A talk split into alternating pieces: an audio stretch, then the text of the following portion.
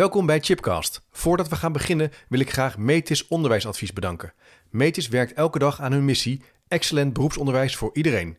Kijk voor tal van inspiratie, praktijkvoorbeelden en praktische tools voor docenten en onderwijsleiders in het beroepsonderwijs op www.metis-onderwijsadvies.nl. En vergeet ook niet de boekenkast van Chipcast te checken.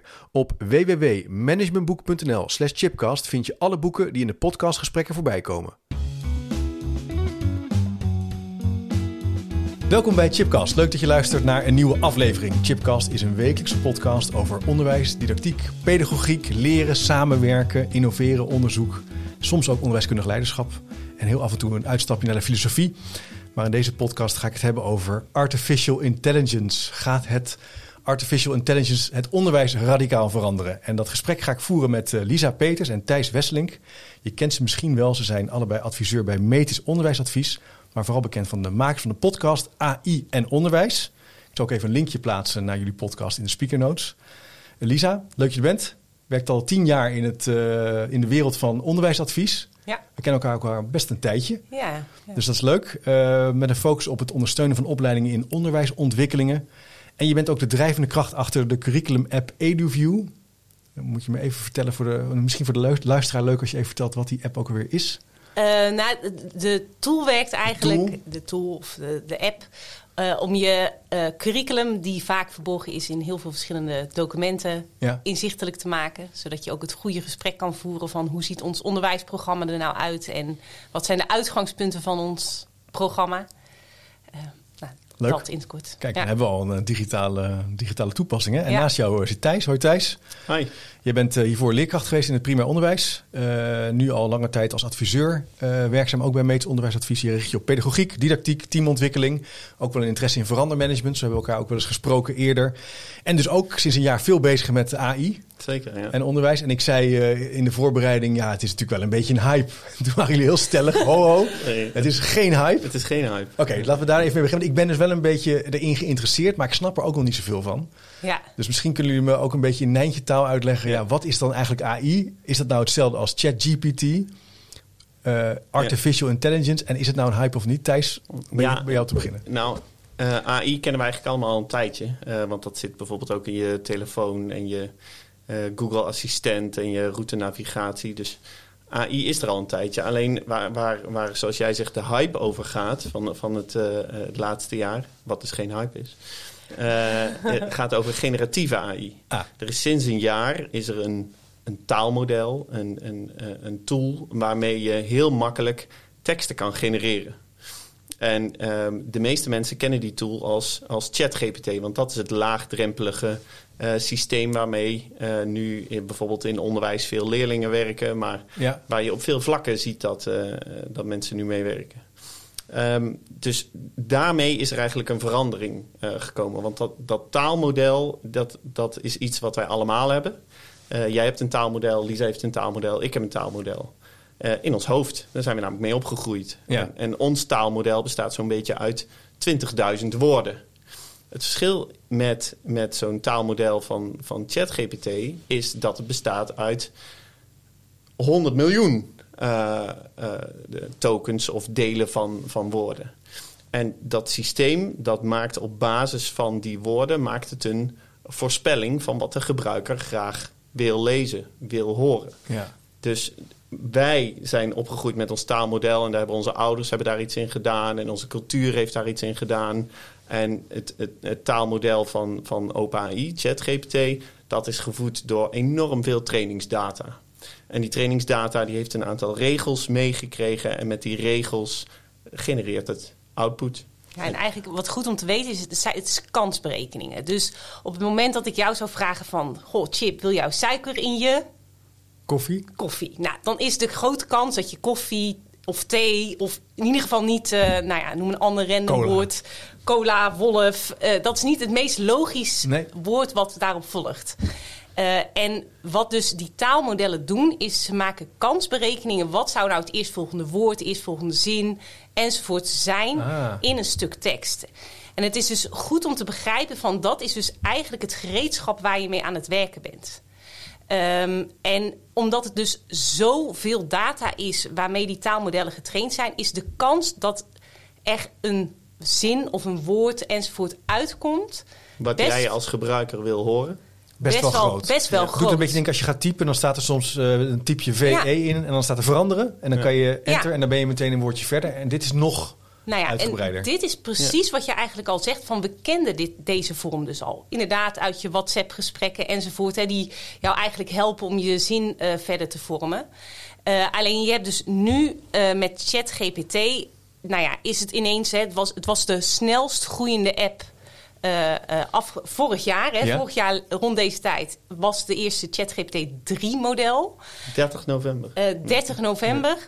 Uh, en daarmee uh, was het ineens heel laagdrempelig voor iedereen. Dus we konden gewoon een random ja, vraag. Dat herinner ik me. Je kon gewoon een abonnee. Je moet even uh, je inloggen en dan had je dat gewoon. Ja, ja. het was gratis. Iedereen gratis, toegankelijk. Ja.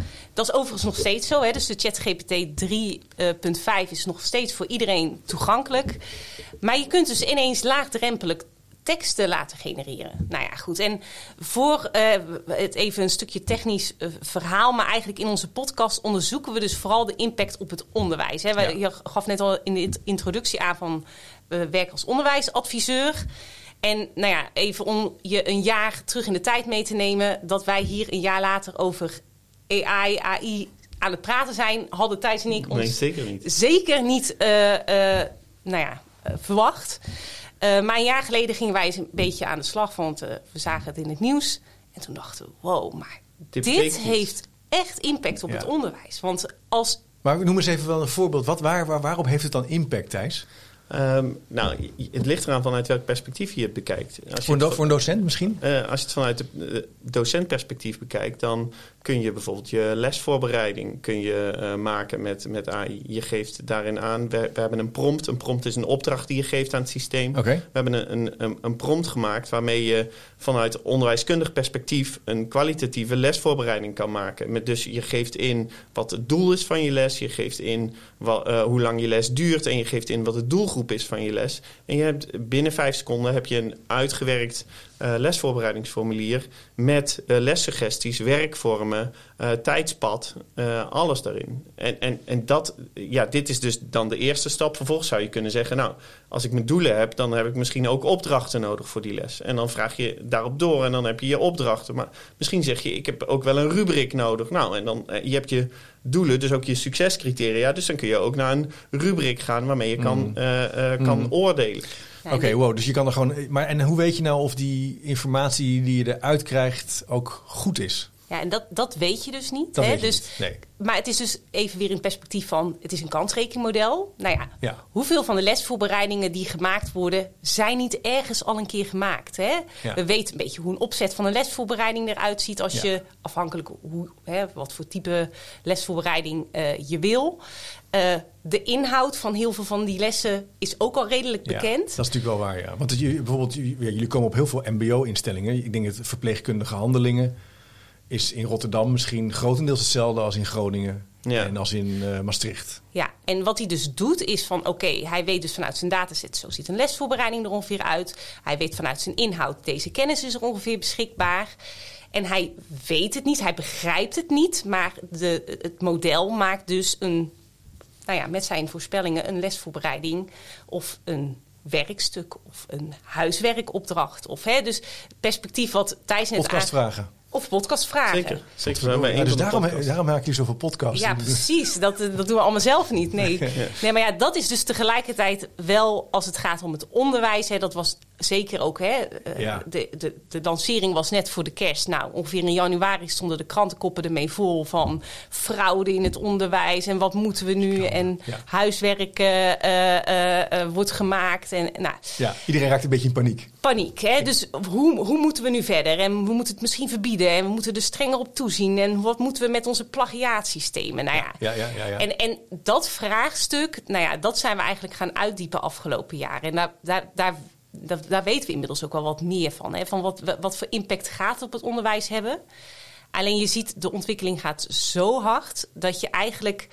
Uh, op het moment dat je op dit moment op de pauzeknop zou drukken, zou je nog ongeveer tien jaar nodig hebben om het goed te implementeren.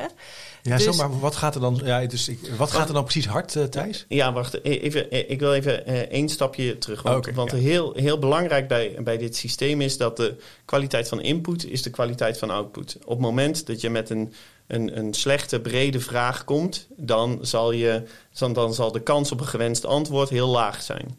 Dus op het moment dat jouw prompt een lage kwaliteit heeft, krijg je, krijg jij ook geen goede lesvoorbereiding. Um, het systeem weet helemaal niks. Het systeem kan niet denken. Wij zijn geneigd om dit systeem menselijk te maken door, door het hij-zij uh, te noemen. Maar uh, het is een systeem wat, uh, wat niet zelf nadenkt. Het is, okay, het is ja. puur getraind op een dataset en het heeft een, een set met regels. En ik denk dat het ook best wel een risico is als we het heel erg menselijk gaan beschouwen. Want, want het is niet menselijk. Het is nee. gewoon een systeem dat op zoek is naar onze data. En het doet er alles aan om zoveel mogelijk ja. van jouw data te verzamelen. Dat is een beetje bij een huisdier. Je moet het geen menselijke eigenschappen geven. Dus nee. je moet, ja, maar je moet het zien voor wat het is. Ja, hier nog wel meer dan bij een huisdier. Bij een huisdier, ja. ja. ja. ja want hier is er gewoon een bedrijf dat geld wil verdienen. En een huisdier heeft nog intrinsieke behoefte om geliefd te zijn. Ja, ja, ja, het is gewoon en, een commerciële, zit een commerciële belang ook achter. Ja, zeker. Niet vergeten. Ja. En om even de snelheid te laten zien, hè, is... Uh, nou, wij spraken, hebben afgelopen jaar ook middels onze podcast verschillende experts gesproken. En ja, ook mensen die al twintig jaar met het perspectief bezig waren van waar zou artificial intelligence op een gegeven moment uit kunnen komen, zeggen van afgelopen jaar het is niet bij te benen. Uh, dus um, 3.5, het taalmodel wat voor het eerst laagdrempelig voor iedereen beschikbaar was. Nou, je zag dat die toen je hem net ging gebruiken, zat hij er heel vaak een beetje naast. Hij ging een beetje hallucineren. Hè, dat noemen ze dan zo als hij eigenlijk... Hij gaat altijd een antwoord geven, maar... Soms, gekke antwoorden. Soms gekke antwoorden. Het, uh, het waren algemeenheden. Nou, die fouten zitten er nog steeds wel in. Alleen hij is, het is nog grotere rekenkracht. Dus de kansberekeningen worden ook steeds beter. Um, en de toepassingen uh, worden sneller. Dus je ziet het, hè, we kennen het vooral nu als taalmodel. Dus je kunt teksten genereren. Uh, die teksten worden beter. Hè. Je hebt inmiddels ook een betaald account. Nou, degene die er al een beetje mee aan de slag zijn, zie je ook echt wel verschil in output wat je krijgt met een ja, ja. gratis, betere data. Betere, data. Ja. Um, en je ziet hem ook op verschillende fronten. Dus wij hebben bijvoorbeeld ook met, bij kunstopleidingen zijn we geweest. Nou ja, je ziet hem dus ook foto's die gegenereerd worden door... of plaatjes die gegenereerd worden. Filmpjes. Uh, uh, um, stemmen die uh, op het moment dat ik jouw stem opneem, kan ik, kan ik jou met uh, AI teksten ja, laten. Dat heb ik ook gezien, ja.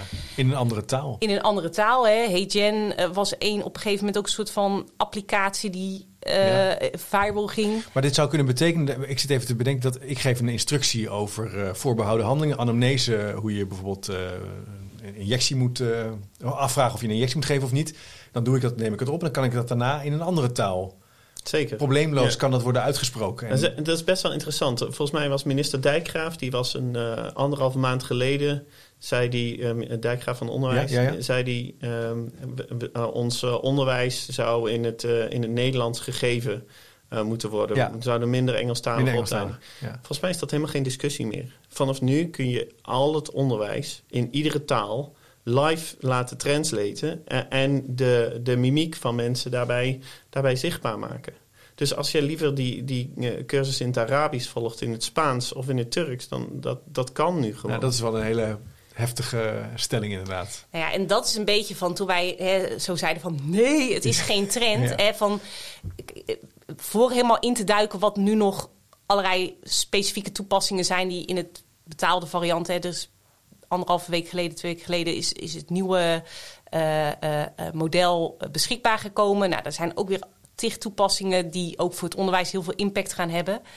Maar je ziet dus van, het is dus van tekst naar tekst. Hè, dus je vult ja. tekst in, je krijgt tekst uit. Van tekst naar image, van tekst naar een plaatje of een, een foto. Het is van tekst naar geluid. Nou, en alle varianten die je daar nog op kunt verzinnen. Dus van geluid naar tekst. Hè, dus deze podcastopname kunnen we naar tekst om laten zetten. Die kunnen we weer laten samenvatten. Nou, ik kan je even een beetje door laten gaan. Ja. Dus het is een technologische ontwikkeling die iedereen gaat raken. Ja. Ieder beroep, uh, de maatschappij in het algemeen. En daarmee dus ook het onderwijs. Ja, want het zou bijvoorbeeld kunnen betekenen, ik zit, als je elektricien bent en je krijgt een uh, nieuwe warmtepomp die je moet uh, kunnen beheersen, Mhm. dat de instructie wordt omgezet naar een filmpje Ja. en dat je in de trein naar je werk naar het filmpje kijkt Ja. en dan die warmtepomp kan, uh, gaat, gaat oefenen bijvoorbeeld. In plaats dat je vroeger moest lezen, Ja. hoef je nooit meer te lezen. Ja.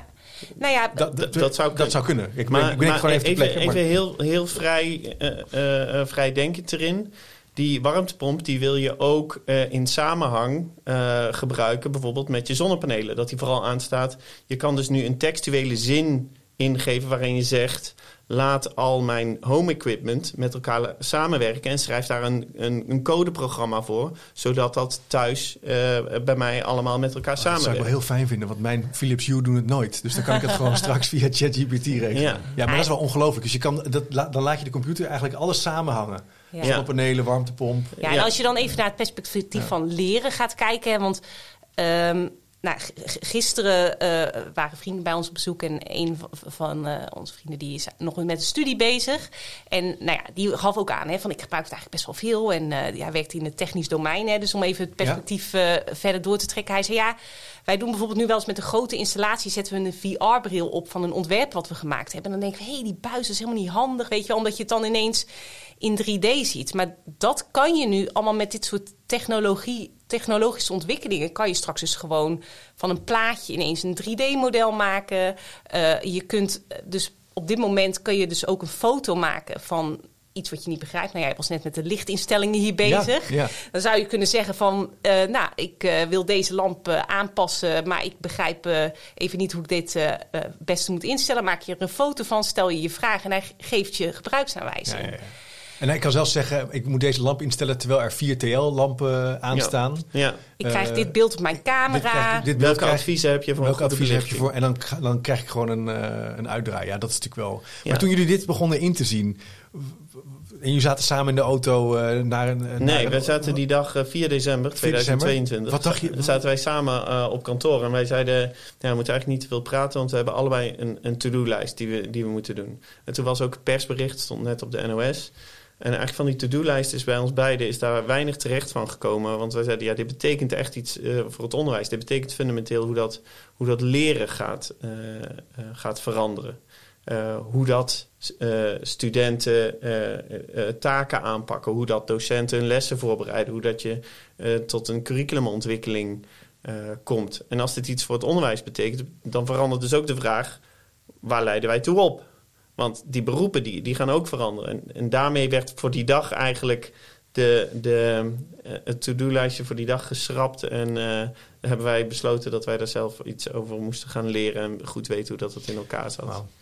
En zijn, zijn er dan al eerste ideeën, perspectieven kenbaar? Hoe, als je een antwoord zou moeten geven op die vraag, hoe gaat dit opleidingen veranderen? We hebben het al even over zo'n elektricien gehad. Of, eh, als je dan meer kijkt naar een curriculum, eh, wat zijn dan bewegingen die jullie, die, die, die, die we gaan zien, denken jullie? Nou ja, wat je op dit moment. eh, de eerste eh, eh, vraag die op dit moment komt, is de toetsing. Hè, Dus we zijn natuurlijk in het onderwijs zijn er heel veel productgerichte toetsen.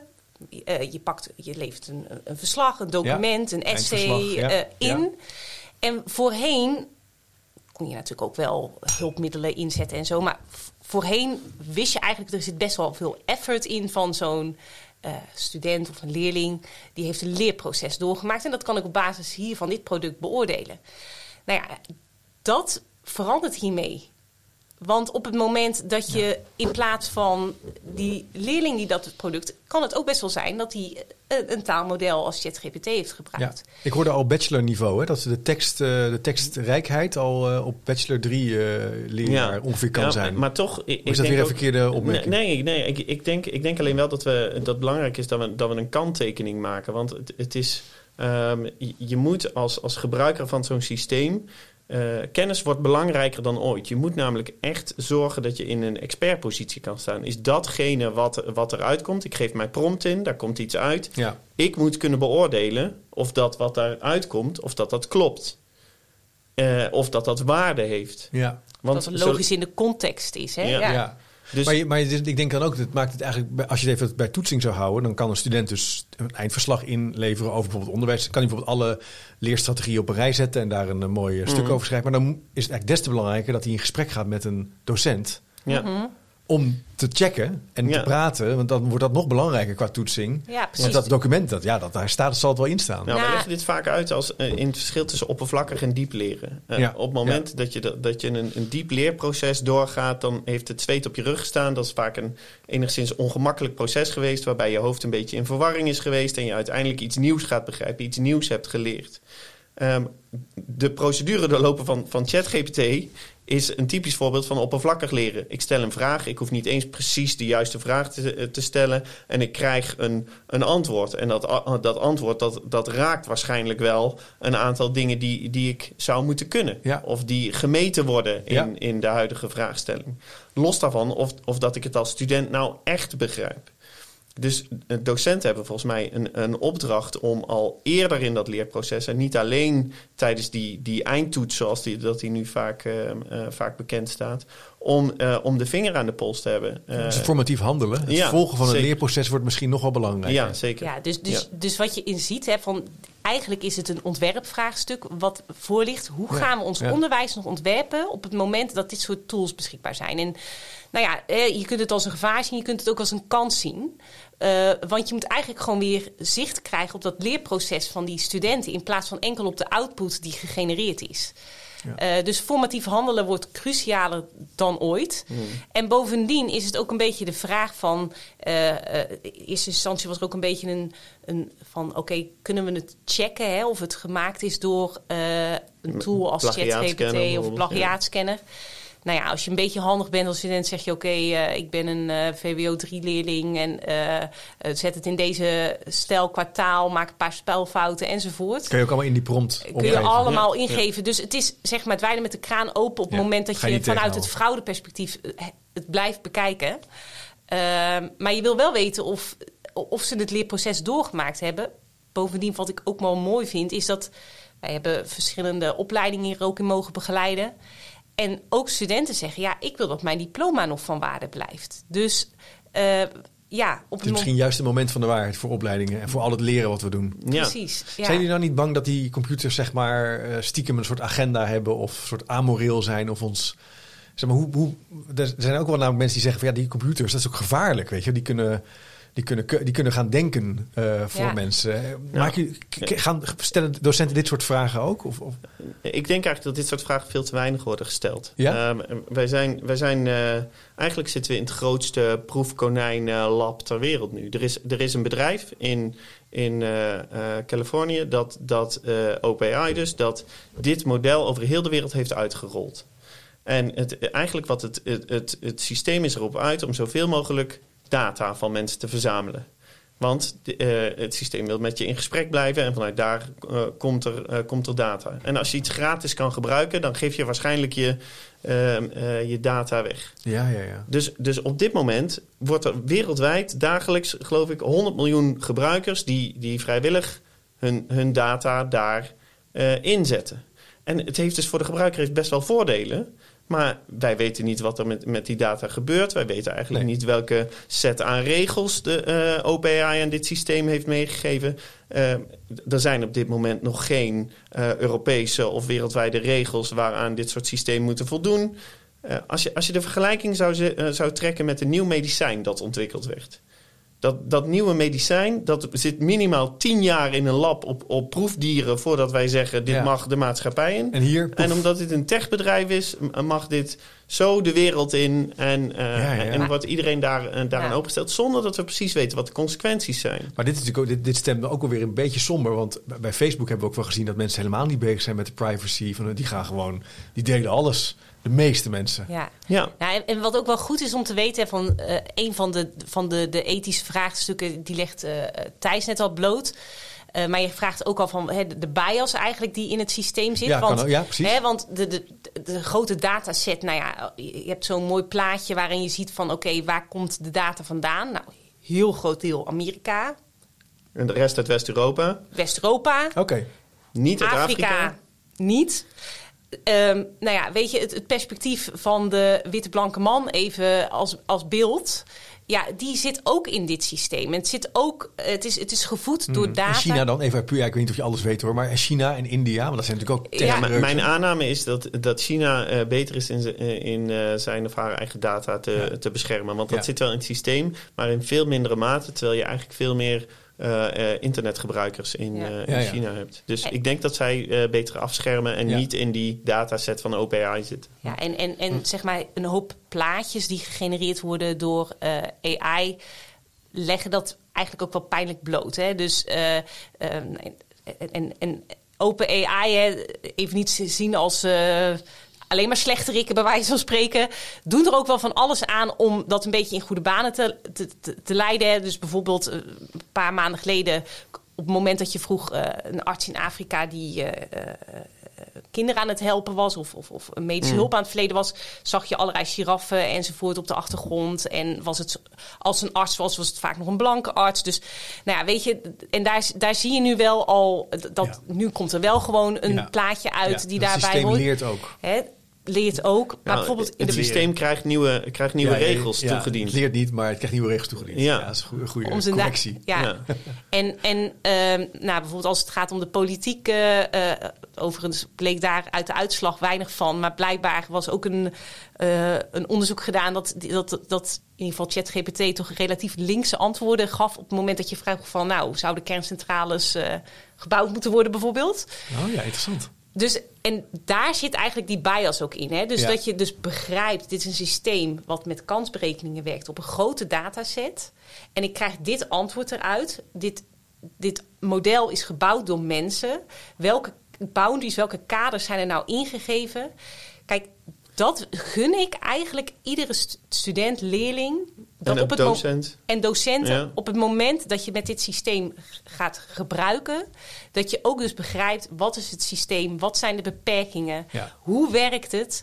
Um, alvorens het zeg maar zomaar klakkeloos over te nemen. En dan denk ik ook dat je ineens het goede gesprek voert. Van wanneer mogen we het eigenlijk wel inzetten? Wanneer willen we eigenlijk ook dat je het niet dus inzet? Het morele vraagstuk is eigenlijk veel, krijgt een veel belangrijke, prominentere plek in het maken van onderwijs. Ja, en, en die, die leercurve, van dat morele kompas en hoe is het en hoe werkt het. Dat is eigenlijk een parallele leercurve die docenten en studenten op dit moment tegelijk zouden moeten doorlopen. Ja. Met het enige verschil is dat, dat op dit moment uh, is, is mijn inschatting, heeft zo'n 50 tot 60 procent van de mbo-studenten heeft een account. Zo'n 80 procent van de hbo-studenten eh, heeft een account. Dus, dus het is er en er wordt ervaring mee, mee opgedaan. Uh, en, en als ik naar, naar de workshops kijk die, die wij geven, dan heeft zo'n beetje een derde van de uh, uh, docenten een. nee, sorry, zeg ik verkeerd. Twee derde heeft een account, maar die hebben daar twee tot drie keer mee geëxperimenteerd. Dus, dus er is eigenlijk een kennisachterstand ten opzichte van studenten. En we begeleiden studenten nu niet in het leren, terwijl zij er consequent mee werken. Ja, ja. En jij zou dus jij zou zeggen dat dat is wel belangrijk om dat dus wel parallel te gaan trekken. Dus met elkaar hierover ja. in gesprek te gaan in een opleiding. Dus als je nu luistert, dan, dan zou dat ook een advies kunnen zijn wat je kan doen. Ga met, door, ga met elkaar ja. hierover praten. Ga het hebben over die, dat morele aspect. En ga het ook hebben over de toepassing. Ja, en, uh, en wacht niet op Um, op regels. vaak in, in tot er een, een beleidsnotitie is geschreven. Ja, vaak in een disruptieve verandering hebben, hebben mensen eh, sterk behoefte aan, aan regels, richtlijnen en, en veiligheid. Maar eh, volgens mij hebben we niet de luxe om, om te wachten. Volgens mij zou iedere docent morgen met zijn studenten hierover in gesprek moeten of ze het gebruiken, hoe dat ze het gebruiken. Eh, trek het uit het fraudeperspectief en haal het naar constructief lerend perspectief. Want is, ook studenten hebben een hele waardevolle assistent die zij kunnen gebruiken tijdens een, tijdens een leerproces. Alleen op dit moment profileren we dat nog niet zo in het onderwijs. Ik zit ook te bedenken, eigenlijk ook wel apart dat we dus toch dit soort vernieuwingen een beetje wantrouwend benaderen in het onderwijs. Dat denk ik dan zelf ook wel. Ik ben toch een beetje zorgen maak erover in plaats van dat ik denk. Uh, niet dat ik dat nou per se moet denken, maar hoe komt dat? Dat we dus bij dit soort vernieuwingen kijken naar. Ja, wat natuurlijk gewoon heel spannend is, is dat dingen die we echt als menselijk. Uh, uh, hè, stuk tekst maken, beelden maken, dingen creatief, dingen creëren. Dat wordt ineens door een, een, een, een chatbot gedaan of gemaakt. Of, ja, ik moet eerlijk zeggen, ik krijg er soms ook buikpijn van. Want het zijn natuurlijk toch ook ontwikkelingen dat je denkt: wow, het gaat zo snel. En welke impact gaat dit op ons hebben? Maar tegelijkertijd laten we het dan wel uh, niet onder tafel uh, hè, schuiven. Maar laten we dan ook kijken, oké, en als het impact gaat hebben op de maatschappij, wat willen we daar dan mee in het onderwijs? Wat vraagt dit voor ons ontwerp? Wat vraagt dit voor de inhoud? Wat vraagt dit de manier waarop wij studenten hierin willen begeleiden? Als er heel veel ethische vraagstukken zitten, hoe zorgen we er ook voor dat die studenten daarover na gaan denken? Um, ja, ik denk dat dat gesprek moet je met elkaar voeren. En daar mag je soms ook best buikpijn van hebben. Ja, uh, past wel bij een uh, radicale uh, vernieuwing die dus geen hype is, dat je er een beetje buikpijn van hebt. En wat zijn nou, wat zijn nou mooie voorbeelden in de afgelopen periode geweest die jullie hebben gezien in het onderwijs, waarvan je zegt, nou dat, dat is wel iets positiefs. Daar, daar werkt het op een manier dat ik denk, doet recht aan de principes waar we het in het begin van het gesprek over hebben gehad? Nou, eigenlijk één, één voorbeeld heel dicht bij huis. Een collega van ons heeft een dochter en die gebruikte het al in een heel vroeg stadium als persoonlijke tutor. Die uh, zit in uh, VWO 4 en die had moeite met, met algebra. En die, die zei tegen het systeem: Vanaf nu ben je mijn bijlesdocent. ik zit in 4 VWO en ik heb moeite met ik weet het, elimineren. Ge geef mij oefenopdrachten en geef mij feedback op mijn leerproces. Nou, en en dat, dat is een, een, uh, een beeld waarbij je vaak zou zeggen: Nou, een, een, computer kan het affectieve proces in het leren kan het, uh, kan het eigenlijk niet nee. uh, overnemen. Maar eigenlijk zie je dat die kwaliteit van, van feedback van dat systeem heel constructief is. Zeker ook omdat het hele systeem erop ingericht is om jouw aandacht vast te houden en om jouw betrokkenheid vast te houden, omdat het het liefst nog meer data wil. Maar in de klas doen wij wel iets heel vergelijkbaars. Wij willen de aandacht van onze studenten vasthouden, omdat we ze betrokken willen houden bij het leren. Maar dat is wel cool. Dus je kan dus eigenlijk een vraag, een soort bijlesvraag geven. Net zoals je ook kan leren schaken. Dat is ook van die programma's die mijn kinderen ook wel spelen. Dan beginnen ze bij een bepaald niveau en het wordt langzaam opgebouwd. En als het fout gaat, ga je weer terug. En zo op die manier. Nou en dan krijg je ook nog eens tips. Als ja, je krijgt eigenlijk op maat. Op maat. Op maat. En, en op het dus moment dat, je daar. freaky dat dat kan. Ja, ja. En, ja, ja, ja. en dat, dat biedt dus ook heel veel kansen. Ja. En, en die zie je ook wel. En ook, nou ja, op het moment dat je iets niet begreep en je had even niet de docent tot je beschikking, kan het ook heel demotiverend werken. En je hebt nu wel iets tot je beschikking. Bovendien ook merk ik het nu bij onderwijs ontwikkelen. Dat doe ik veel. Uh, dat ik denk, oh, je kunt binnen no time betekenisvolle casussen. Uh, weet je, het, onderwijs ontwikkelen kost vaak heel veel tijd. Ja, als we dat snel kunnen doen en we kunnen met elkaar eigenlijk binnen korte tijd mooie opdrachten creëren. Uh, dus dat is ook een mooi voorbeeld. Je kan dus eigenlijk versnellen bij onderwijsontwikkeling. Want je, de, de, de, nou, software kan je helpen om sneller stappen te testen of uit te proberen. Normaal, ja, een beetje klassiek. Je komt bij elkaar, je maakt wat en in de tussentijd werk je het uit. Hmm. Precies, zie je elkaar weer. En nu kan je eigenlijk een veel snellere, uh, veel snellere loopjes uh, doorlopen. Ja. En dan kun je dat real-time doen. We hebben bij, real-time doen, ja, ja. bij een opleiding bedrijfseconomie hebben we in één ochtend alle uh, modules uh, eh, AI-proef gemaakt. Door eerst te kijken vanuit, vanuit constructive alignment. Eerst te kijken, moeten we onze, onze leerdoelen aanscherpen? Ja. Oké, als we die hebben aangescherpt, dan is de tweede stap... wat moeten we doen met de toetsing? En dat konden we dus allemaal op moduleniveau in betekenisvolle context doen. Doordat we drie prompts hadden. één voor de leerdoelen, één voor de toetsing, één voor de onderwijsactiviteiten. En iedereen had aan, de, aan het eind van die dag hadden ze een to-do-lijstje met deze stappen moet ik nog zetten uh, om, mijn, uh, om mijn module eh, AI-proef te maken. Ja. En de, de, Mooie nou, voorbeelden. Wij, wij on, onze gedachte was normaal zou je hier met een team zo'n beetje, ja, toch vier, vijf studiedagen zou je, daar, zou je daarmee bezig zijn. Ja, en ook vaak, wat je er vaak ook wel hebt, is veranderkundig. Doordat het langer duurt, krijg je, dat weet u als adviseur als, als geen ander, krijg je altijd wat spanning. Hè? Het duurt lang, de resultaten duur. Hè? Ja, mensen gaan succeservaring. Succes, En nu kan je wel wat meer, je kan eigenlijk constant sprinten. Ja, en wat ik bovendien heel mooi vind, hè, we hadden net formatief handelen al. Ja, laten we hopen dat dit ook een katalysator ervoor is om ja, minder te focussen op die eindopdracht of dat eindproduct. Ja. En gewoon te gaan kijken van oké, hoe kunnen we studenten in dat leerproces al goed volgen? Want eigenlijk weten we nu, ja, die, dat eindproduct, dat kunnen we zo maken. Dat is niet zo moeilijk meer. Het gaat erom dat je erover kunt, dat je het kunt laten zien. Ja, de weg er naartoe. De weg er naartoe. Dat je verdiept kunt, kunt uh, uitleggen wat je beheerst. Dat je voorbeelden kunt geven. Dus het maakt misschien juist wel tijd voor het menselijke aspect van onderwijs. Ja,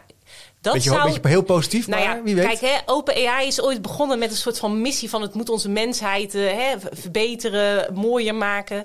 Nou ja, goed, daar, uh, ja. dat, dat, dat, daar zit, ligt de, de, spanning op. Ja, daar zit één, één werk. Je hebt ook natuurlijk die, die Harari uh, die zegt van ja, de, de, de toekomst en de data van de mensen wordt gemined in Silicon Valley. Mm -hmm. Het goud en, wordt We gaan straks ja. ten onder aan onze eigen gecreëerde ja. Hè, ja, dus dat, dat, beeld. Het zal ergens hopelijk in het midden, midden zitten. Ja, ja, maar, dat... ja, maar hoe die, hoe die toekomst eruit ziet, uh, dat, dat, dat, weten we niet. Nee, dat, dat weten we niet. Wij, dus ik wij, wij, over. Wij zijn eigenlijk zijn, zijn, we, zijn we echt wij zijn er geconfronteerd met, met dit programma. En ik denk ook dat, het, dat we daarmee daar nu iets, uh, uh, iets mee moeten. Ja. Maar uh, als, als je kijkt hoe snel die, die ontwikkeling gaan, kun je uh, ik, nou, laat ik zo zeggen, ik was gevraagd voor een lezing. Een lezing in, in mei 24 over dit onderwerp. En toen werd mij gevraagd, waarover wil je het hebben? Ik zeg, daar kunnen we het nu echt niet met elkaar over hebben. Dan moeten we in, in de twee weken van tevoren moeten we met elkaar in gesprek gaan. Omdat uh, ja, dit systeem is er een jaar. En, ja. uh, en maar dit, wat hier natuurlijk wel spannend aan is, dit wordt al vaker gezegd, hè, de wereld verandert heel snel, et cetera, mm. et cetera. Dat valt eigenlijk, volgens mij heeft dat heel lang, is dat eigenlijk al wel meegevallen. Maar bij deze software zie je dus echt een soort exponentiële uh, groei en ontwikkeling. Ja, dit, die, die, is onnavolgbaar. Dit, nou, dit, dit is een. Uh, de overheid heeft aangemerkt als een systemische verandering. Ja. Uh, en en ja, jij zegt dit gaat veranderen. Dit verandert nu. Het als, is nu gewoon, als wij... zulke grote percentages leerlingen en studenten structureel met dit systeem werken, dan, dan kunnen we niet meer spreken over dit gaat veranderen. Op dit moment denk ik echt dat diep leren voor veel studenten onder druk staat. Terwijl dat eigenlijk nodig is om tot bepaalde competentielevels te ja. komen. Ja, het verschil tussen oppervlakkig leren en diep leren, waar je net al even over had. Ja, ja, ja want hiervoor had je natuurlijk wel de, telefoons, steeds meer jongeren kregen. Maar dat is eigenlijk, dat, is, dat kon je nog niet zozeer gebruiken voor onderwijs. Ja, je kan wel natuurlijk dingen opzoeken, maar dit is een heel andere toepassing. Ja, en je gaat het dus ook van, hè, daarom, we hebben het over ChatGPT. We hebben ook de Google uh, Bart. Google wat? Bart, Bart, hè, dat is de, de, de, dat is de counterpart, is de, ja. Dat is de ding van, van Google. Ja. Oké we hebben het in onze telefoon zitten. We gaan het straks ook in de methodes, als het er al niet in zit, hebben. Dus het, het zit straks in alles. Het zit overal, ook in spullen trouwens. Hè? Ik zat gisteren naar een filmpje te kijken over een uh, slimme stofzuiger. Zo'n hmm. Roomba-ding. En ik weet nog dat ik vijf jaar geleden heb ik ooit zo'n ding gekocht. En die was toen helemaal niet zo handig. Maar als je ziet wat die dingen nu kunnen... Ja, het kost wel wat, maar de, de, daar zit ook AI in. Hè? Slim, die, die verbindt zich ook weer met een netwerk en die leert ook weer van alle andere. Nou ja, dus we krijgen ook natuurlijk slimme spullen. Ja, ja. Sorry, moet ik even aan denken. Ja, ja, nee, ja dus, dus uh, het zit allemaal met elkaar te maken. Het gaat, het gaat in alles zitten en daarom, weet je, als onderwijsprofessional moeten we daar ook niet te afhankelijk onszelf in opstellen van het komt allemaal over ons heen. We hebben daar ook keuzes in te maken. Uh, en, en, en, en een heel groot deel is gewoon een ontwikkeling die op ons afkomt. Maar om daar al betekenis aan te kunnen geven. En omdat het dus gebaseerd is op data, hè, dus eigenlijk alles wat een beetje op plat vlak gebeurt, je laptop, je, je op papier, ja, daar gaat heel veel in veranderen. Eh, eh, en dat gaat in de beroepen veranderen, maar ja, in ons onderwijs doen we ook best wel veel daarin. Dus het zou mooi zijn als het allemaal in onze interactie zou stimuleren. En, hè, dat, dat, mhm. dat het hier. Uh, maar uh, dus even nu, als je nu, je merkt aan mij, ik ben dus, ik vind het interessant, maar ik weet eigenlijk, ik heb er, ik heb een keer zo'n account aangemaakt en dan raak ik echt gewoon in de war. Als je, nou, dat maak je natuurlijk ook mee met teams. Mhm. Wat is nou jullie advies naar mij en maar naar mensen die hier, die dus niet de boot willen missen, maar ook niet koploper zijn? Hoe moet je hiermee aan de, aan de slag gaan als onderwijskundige, als docent, als leerkracht? Ja. Oké, ik uh, wat, wat ik net zei, ik denk de, de leercurve van studenten en docenten is parallel. Ja, bij elkaar dus, trekken. Dus docenten uh, moeten morgen in gesprek gaan. Onderwijsleiders uh, moeten hun docenten gaan trainen of, of gaan laten trainen. Want, want zij moeten het concept snappen, een moreel kompas ontwikkelen. de, enigszins kaders gaan begrijpen op welke manier willen we dit wel gebruiken en op welke manier willen, we dit, willen we dit niet gebruiken. Um, ik, denk dat er op, op ieder van die vlakken nu wel nu actie wordt, uh, wordt gevraagd. Dus ermee aan de slag gaan, uitproberen. Ja, en, en, en, ik vond wel een mooie opmerking eigenlijk van... Uh, ga ermee aan de slag, want in het slechtste geval ken je vijand. Ja. Hè, dus, dus ga in ieder geval ermee aan de, mee experimenteren om te begrijpen wat het is, wat het kan welke impact het zou kunnen hebben en ga daarover in gesprek met elkaar. Ja, en, en voor de beleidsmakers, uh, misschien nog wel een interessante, uh, medio december gaan wij in gesprek met ehm, twee rechtsgeleerden die, uh, die ons iets meer gaan uitleggen over het hele juridische aspect. Oh, cool. Uh, hierover. dat is ook wel een ding, ja. Ja, nou, hè, veel mensen zijn op zoek naar de veiligheidsstructuur. Wat mag er, wat, uh, wat mag er niet. maar wij hopen dan in, in onze podcast daarover wat meer duidelijkheid te Heel leuk. Dus jullie podcast luisteren, experimenteren, ja. samen met studenten optrekken, het niet apart organiseren. Niet wachten tot, een, tot er beleid komt, maar trainen, professionaliseren. Zorg dat je weet waar je het over hebt. Ja. Ook al besluit je later dat je er niks van moet hebben. Dan heb je in ieder geval een beredeneerde, beredeneerd antwoord op kunnen geven. Ja. Leuk guys, ja, super. Ik heb toch het idee dat ik er veel meer over weet nu dan in het begin van dit gesprek. Het is ontzettend leuk om met jullie hierover uh, van gedachten te wisselen. Ik zal jullie link naar de podcast even in de show notes uh, zetten. Als je nu een vraag hierover hebt, ga dan even naar chipcast.nl slash vraag. Dan kan je je vraag inspreken. Ik ga niet via ChatGPT, maar goed, het is ook wel een beetje digitaal. En dan kan ik wat doen met je vraag. Um, bedankt voor jullie tijd. Graag gedaan. Ja. Bedankt. En uh, tot de volgende keer. Nieuwsgierig naar meer? Abonneer je op de nieuwsbrief en je mist niks. Ga naar www.chipcast.nl slash doe mee. Wist je dat er op chipcast.nl meer dan 200 afleveringen over onderwijs, samenwerken, innovatie, verbetermanagement, leiderschap, organisatieverandering en filosofie te vinden zijn? Blij met deze podcast? Je helpt Chip enorm met een review of recensie op Spotify of Apple Podcast. Je kunt trouwens alle gesprekken op YouTube bekijken. En vergeet je dan niet te abonneren.